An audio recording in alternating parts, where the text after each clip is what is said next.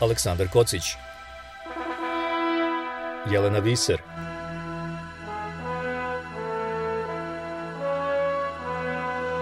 Radio Karantin. Hronika istorije u nastajanju.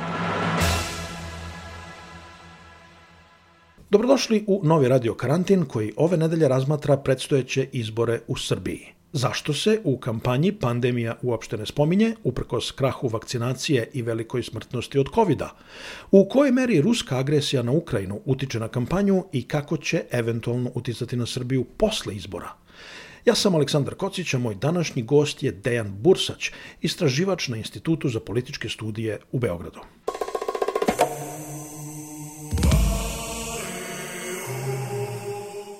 Tiče se utisak da u predizbornoj kampanji u Srbiji pandemija ne igra nikakvu ulogu.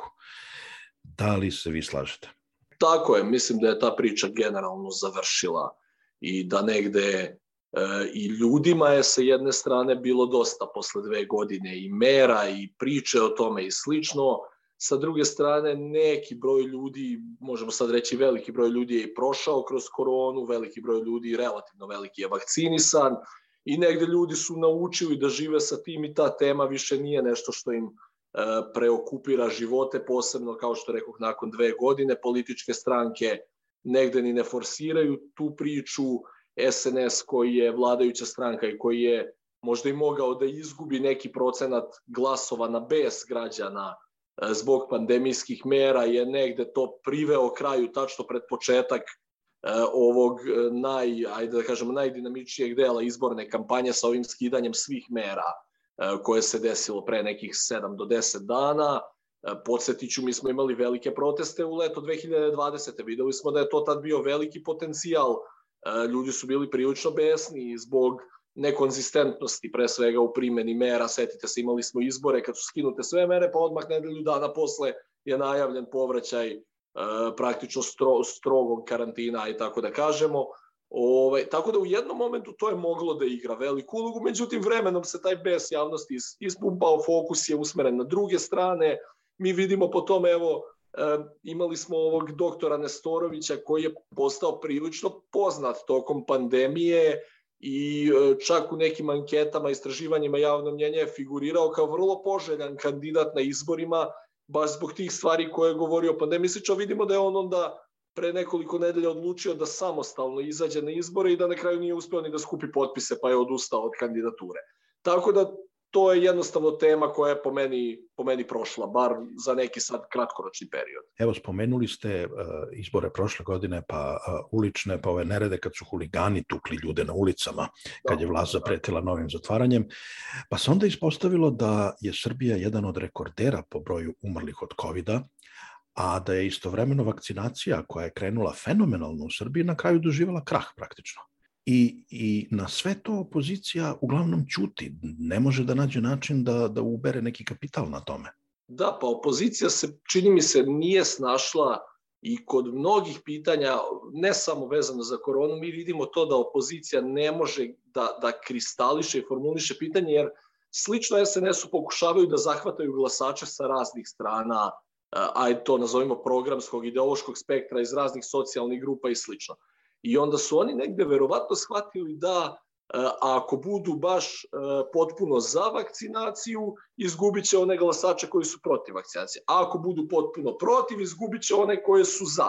Vlast to može da radi. Vlast može da šalje kontradiktorne poruke i da menja politiku zato što u medijskom okviru kakav postoji u Srbiji mogu da kontrolišu štetu. Odnosno mogu da e, nekom dvonedeljnom kampanjom jednostavno obrišu ono što su govorili ranije i da ubede glasače u, u ajde kažemo, nove, nove stvari. Imaju na raspolaganju čitav instrumentarijum e, tehnika i instrumenta, odnosno mogućnosti kako da to urade. Opozicija ne može i čini mi se da, da se u tome nije snašla. Povući ću samo jednu paralelu da bude jasnije ovo što pričam. Mi smo to videli i kod referenduma sad u januaru, da glavna kolona opozicije nije mogla da razreši taj e, konflikt koji postoji kod njih između toga da treba da se protive referendumu zato što je to nešto što je, odnosno ustavnim promenama, zato što je to nešto što je vlast predložila, a sa druge strane to je nešto što prihvata Evropska unija, oni su načelno proevropski i onda su rešili da oćute referendum koji je bio bukvalno najvažniji politički događaj u prethodne dve godine, znači od izbora do izbora, i gde se pokazalo da je većina glasača opozicije izuzetno zainteresovana za pitanje, za to pitanje imali smo na, na ja bih rekao neočekivan broj glasova protiv posebno ako uzmemo u obzir da nije bilo izborne kampanje, to jest referendumske kampanje, da se o tome nije pričalo po medijima i slično. Znači sad vraćam na ovo, na ovo pitanje pandemije. Čini mi se jednostavno da se većina opozicije uz čast izuzecima postoje manje stranke, posebno na desnici i slično, koje su odmah rekle jasan stav, većina njih je bila i protiv vakcinacije ili bar su to definisali kao slobodu izbora, ovaj, ali da se ovaj, nazovimo ga centralni deo opozicije, nije baš snašao e, u tome, iako je bilo osnova za kritiku vlasti, pogotovo zbog tih promenljivih mera i nesnalaženja nakon, kao što ste vi rekli, uspešnog prvog talasa vakcinacije. Da li se mogu povući paralele, paralele sa 90. godinama u onom smislu da opozicija ili bar deo opozicije ponovo pokušava da napadne vlast sa desne strane, što je daleko teže nego napasti sa levice Jer evo, vi ste spomenuli uh, na neki način, ajde neću da, da vam stavljam reč u usta, ali na neki način imam utisak da je, da, je, da je reč o strahu od biračkog tela i o dodvoravanju biračkom telu kada je u pitanju javno zdravlje i da opozicija tu ne preuzima vođstvo, nego prateću ulogu, da tako kažem.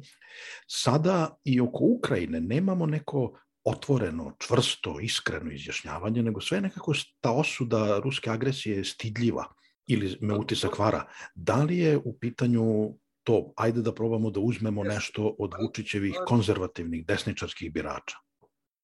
Pa recimo da je u pitanju pre svega oprez kod, kod opozicije. I to vrlo veliki oprez, jer uh, o, oni su postali svesni i negde uplašeni prethodnih 6, 7 pa i 10 godina. Uh, svaki gaf opozicije se pojača 10 puta kroz taj medijski megafon E, koji postoji u Srbiji i svako eventualno izjašnjavanje i povodom konflikta u Ukrajini može da e, provuče nekog opozicionog lidera kroz, ajde, to je neko od kolega rekao, medijskog toplog zeca.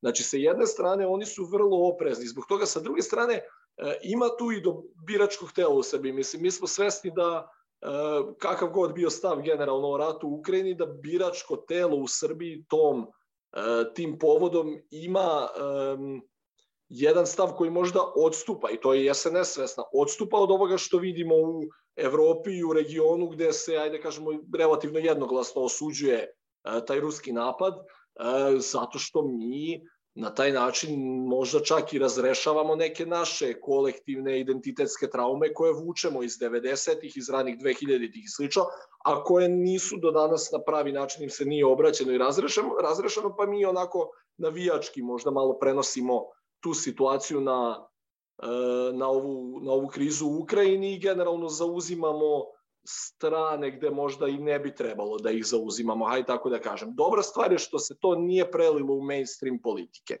Odnosno, e, generalno političke stranke i na vlasti i one opozicije se trude da balansiraju sa tim očekivanjima birača, iako ukrajinska kriza i ta tema dominira u zadnjih 20-ak, e, 30 dana od kad je sve to počelo, dominira vestima, pa samim tim i preuzima izbornu kampanju. E sad SNS je to dobro prepoznala i prelila u temu stabilnosti u Srbiji. Oni, kao što znamo, rade veliki broj istraživanja javnih mnjenja, sondiranja, fokus grupa i slično, i negde su prepoznali tu uznemirenost koja postoji u biračkom telu i rešili su da na nju odgovore ovom kampanjom koju vidimo u zadnje dve, tri nedelje, mir, stabilnost, sve će biti u redu, ne plašite se slično. To je negde i logično, u kriznim situacijama uvek postoji povećana tražnja za nekom čvrstom rukom, za nekom stabilnošću. Vi kad pogledate ko su glasači SNS-a danas, to su u nekim dominantnim grupama e, stariji ljudi, u jako dominantnoj grupi domaćice, 50 plus godina i slično, to su ljudi generalno koji zahtevaju da čuju tako nešto i Vučić na to odgovara. E sad onda je vrlo je teško da se neko pozicionira u takvom biračkom telu, e, pogotovo od ove neke leve, liberalne, proevropske priče i, i, i slično, tako da su oni odabrali negde da balansiraju, što možda i nije iracionalno iz njihove pozicije. I naravno, ovo što ste vi rekli, imamo neku desnicu koja pokušava da otkine deo Vučićevih glasača na toj temi. Rusija, generalno i ranije na temi Kosova zbog ovih ustupaka koje su rađene u poslednjih deseta godina i slično. Međutim, mislim da tu postoji kod jednog dela opozicije osnovno nerazumevanje problema. Vučić svoju mobilizaciju glasača ne pravi na nacionalnim pitanjima. Iako on ponekad i šalje takve poruke kad, kad oseti ili kad istraži da mu je korisno. Vučić svoju mobilizaciju radi pre svega na socijalnim pitanjima i SNS, ako bih morao da definišem, jeste pokret ili stranka koja je masovno profitirala i mobilisala glasače inicijalno na ekonomskom krahu koji je Srbija doživela za vreme ove globalne finansijske krize, znači od 2008. do 2012. A to se kod nas poklopilo sa e, vlašću DS-a i na tome je SNS lepo profitirao. Tako da, ja bih rekao da je osnovni, e, osnovni osnov, ajde da kažemo, ključni osnov e, okupljanja SNS glasača i dalje socijalna priča, znači socioekonomska, I to mi vidimo u kampanjama SNS. Oni pričaju o razvoju, o fabrikama, o investicijama, oni prodaju nadu i oni govore ljudima, e, uradili smo to i to, stigla je neka vrsta blagostanja, a do onog dela Srbije do kog nije stigla, stići će. Širimo to, to blagostanje. Tako da napad e, sa nacionalističkih pozicija možda može otkinuti neki mali procenat biračkog tela, ali jako sam skeptičan koji je to procenat. Pa mi smo u prvoj godini vlasti SNS-a imali potpisan briselski sporazum koji e, praktično povlači sa severa Kosova čitavu državnu strukturu Republike Srbije i to da je potpisao bilo ko drugi u bilo kojoj drugoj situaciji, ta vlada bi pala u roku od nekoliko dana. Vučić je to mogao sebi da, da dozvoli zato što je formirao podršku na drugim osnovama, a plus je imao ovo sve što sam pričao ranije, znači medije i slično da prave poruke e, donesu do, do birača. Spomenuli ste Kosovo. Postoji jedna škola mišljenja, jedna struja koja a, kaže da u suštini je Kosovo pitanje svih pitanja i da je to za opoziciju vruć krompir koji bi je sačekao čim bi preuzela vlast. Da li se vi sa tim slažete? Da li je iz opozicione, sa opozicione tačke gledišta bolje čekati da se da, da Vučić mora da završi i rešava taj vrući krompir ili je to sada konflikt koji je gurnut u jedno stanje trajno i to će tako sad ići godinama. Pogledajmo, sad opet se vraćam unazad. Moment kada SNS dolazi na vlast 2012. uz, rekli bismo, barem prećutnu, a negdje eksplicitnu podršku nekih zapadnih igrača na Balkanu, što dotad nije bilo zamislivo a to se negde poklapa sa onim pregovorima koje je vodio Borko Stefanović u ime vlade e, Mirka Cvetkovića, odnosno predsednika Borisa Tadića, e, gde je na kraju, gde je ta vlada na kraju odbila nešto slično briselskom sporazumu. I tu negde Tadić počinje da gubi međunarodnu podršku zato što nije bio spreman da napravi taj sledeći korak ka e, onome što se očekivalo od strane Zapada, to je neki, neko dalje razmontiranje u tom trenutku prisustva Srbije na, na Kosovu i korak dalje ka toj nekoj nezavisnosti e, Prištine. E, međutim, Vučić radi to praktično u prvoj godini mandata. Oni su 2013. čini mi se krajem aprila, početkom maja potpisali Briselski sporazum i tim Vučić kupuje praktično sebi kredit za dalje. I on vrlo uspešno, ja bih rekao, uz probleme naravno koje ta pozicija donosi, ali ajde o tome možemo da pričamo, ali to se sve odvija u okviru neke proklamovane proklamovanih spoljnopolitičkih ciljeva Srbija, to je da što duže moguće zadrži uh, prisustvo na Kosovu ili bar nek, neku vrstu suvereniteta, ali u tom okviru uh, Vučić prilično solidno uspeva da balansira i da prolongira tu krajnju odluku. Šta god bila krajnja odluka, da li je to eventualno članstvo u UN-u, da li je neki uh, sveobuhvatni sporazum o normalizaciji, to se menjalo. I generalno on je negde solidno plivao kroz te rupe koje su se pojavljivale na zapadu. Setite se, dolazi Donald Trump u Americi, e, jedan lider koji vrlo transakcijono shvata politiku, koji e, kojem neke vrednosti koje je američka spoljna politika proklamovala 90-ih nisu baš bliske i Vučićeva administracija tu generalno e, pokušava vrlo vešto da skrene smer tih pregovora u mogućnost neke podele. To se na kraju nije desilo, ali generalno su oni tražili pukotine u celom tom procesu i mislim da im je sad čak, uzevši obzir vrlo težak položaj Srbije u ovoj situaciji sa ukrajinskom krizom i slično težak u smislu da se stvara neka vrsta gvozdene zavese u Evropi, a da mi ostajemo neizjašnjeni, a duboko smo sa zapadne strane te zavese. Čak i to u neku ruku, ako se dobro odigra i ako ne bude previše pritisaka, može da igra na Vučićevu kartu, odnosno da dalje prolongira taj status quo. Dok god Vučić ne mora da donese finalnu neku odluku, dok god nije pritisnut u to, on može da balansira i generalno može da gura u javnost ove druge teme koje smo videli. A te teme su ekonomija, autoputevi, fabrike, sve ono što vidimo u ovoj kampanji. I s obzirom na katastrofalnu medijsku situaciju u Srbiji, s obzirom na sve prljave trikove kojima se vlast služi, e, da li u Srbiji uopšte ima smisla izlaziti na izbore ili energiju treba usmeriti u drugom pravcu da bi se došlo do promene vlasti? Pa da, to je veliko pitanje. Mi smo imali taj pokušaj sa bojkotom 2020. godine. I ja, e, iako mislim da je bojkot e, solidno osmišljena ideja, da ona nije niti dobro izvedena, niti su njeni rezultati dobro upotrebljeni posle i mislim da se sve to desilo zbog toga što su očekivanja bila pogrešna. E, samo da obrazložim ukratko. Nije dobro izvedena jer videli ste da je ta bojkot kampanja bila vrlo, vrlo mlaka i da na kraju imao je bojkot neki rezultat, ali stranke se nisu aktivno uključile u neku vrstu e, kampanje, pa čak i građanske neposlušnosti u, pravcu bojkota. Rezultat je bio po meni ok, izlaznost je bila ispod 50%, e, u velikim gradovima poput Beograda i Novog Sada imali smo najlošiju izlaznost u istoriji, ispod 40%, što je praktično nezamislivo.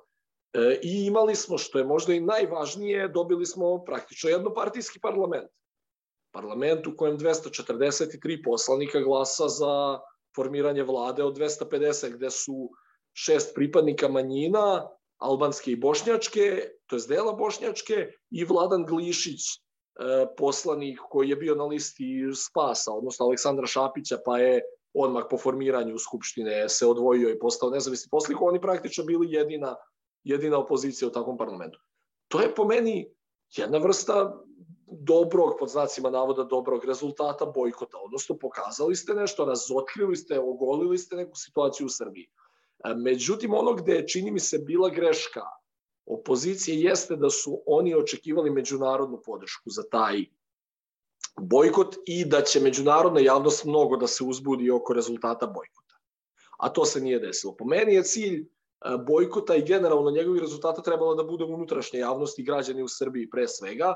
Niko se na zapadu nije mnogo potresao zbog toga što Srbija ima jednopartijski parlament, To smo mogli da vidimo ranije. Bili su izbori u Albaniji godinu dana ili godinu i po pre toga, e, gde je sva celokupna opozicija bojkotovala lokalne izbore. Izlaznost je bila manja od 20%. U nekim opštinama 11-12%. Niko reč nije rekao. Znači, zapadne ambasade pozdravile demokratski proces, niko nije osudio Edija Ramu i njegovu stranku zbog toga. Jednostavno, u nekom širem geopolitičkom okviru e, Gedi Rama ili da prenesemo na našu situaciju Vučić su prihvatljivi partneri i niko na zapadu neće menjati taj kurs previše zato što je neka opoziciona ili više opozicijalnih stranaka bojkotovalo izbore.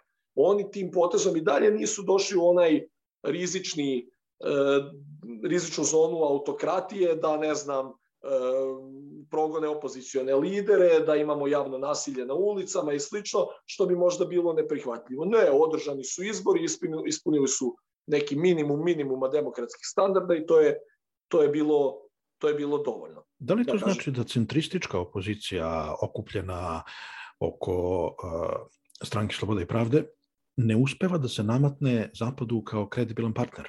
Pa e, da, u načelu da, ne uspeva da se nametne kao neka alternativa sa kojom Zapad zna šta očekuje.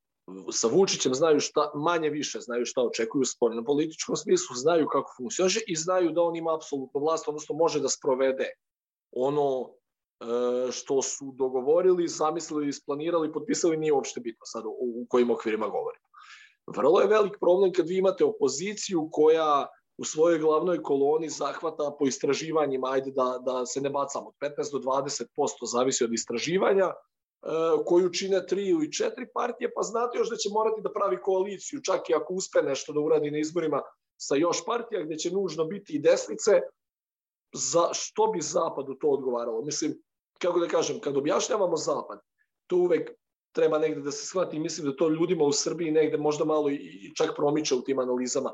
Ni Zapad nije monolitno telo gde ne znam, 500 miliona ili milijardu ljudi razmišlja na isti način i svi politički odlučioci u sistemu koji su se menjali u zadnjih 20 ili 30 godina razmišljaju na isti način. I zapad čine političari sa svojim interesima i sa svojim e, željama, ideologijama, programima, etikom i slično. Šta hoću da kažem? E, negde nekom prosečnom političaru na zapadu koji je izabran na mesto ministra spoljnih poslova ili koji je izabran u Evropsku komisiju i slično i kom je stalo da Balkan bude miran i da nema, ne znam, priliva migranata, da nema rata, da bude ekonomski relativno stabilan i slično, zato što on to, to pogađa njegove glasače u Francuskoj, Holandiji, nebitno Švedskoj, Španiji i slično.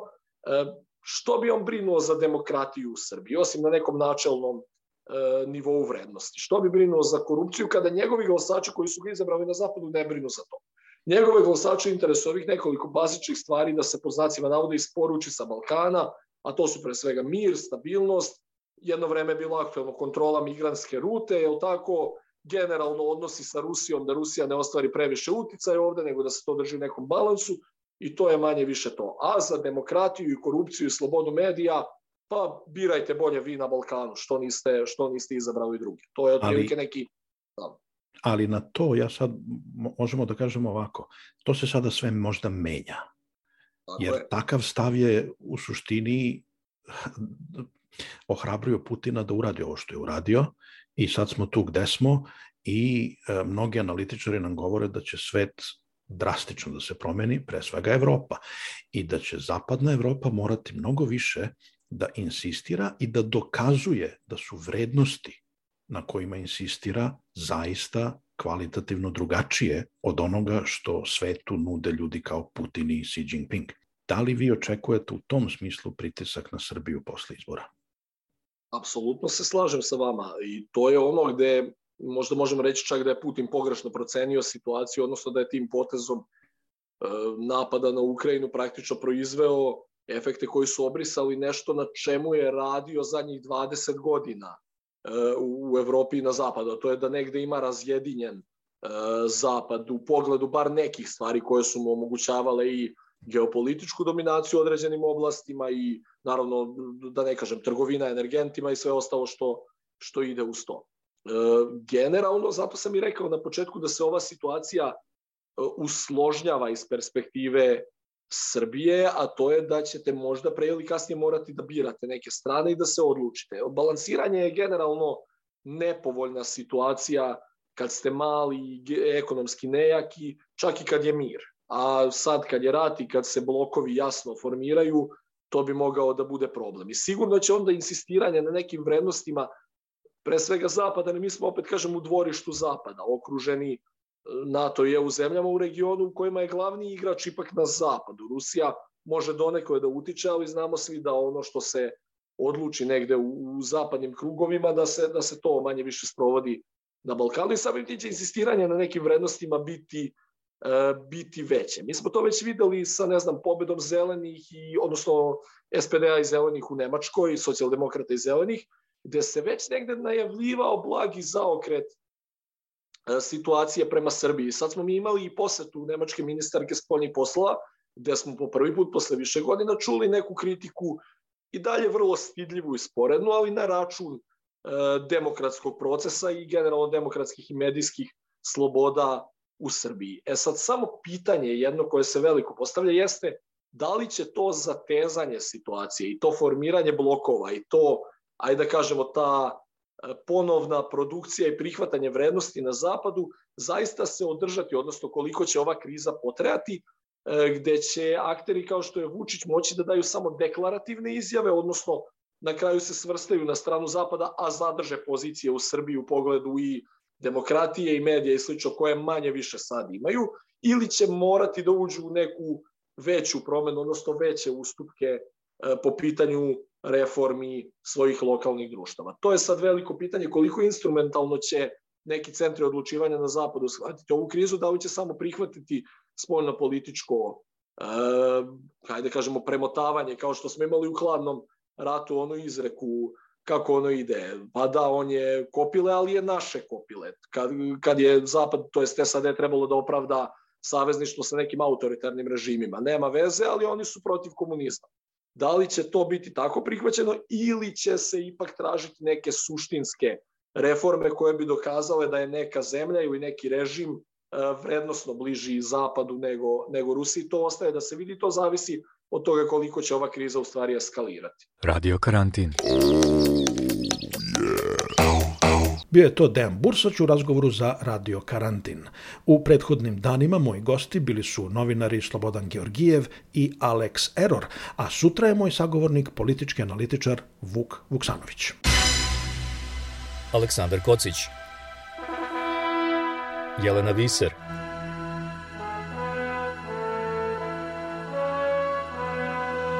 Radio Karantin Hronika istorije u nastajanju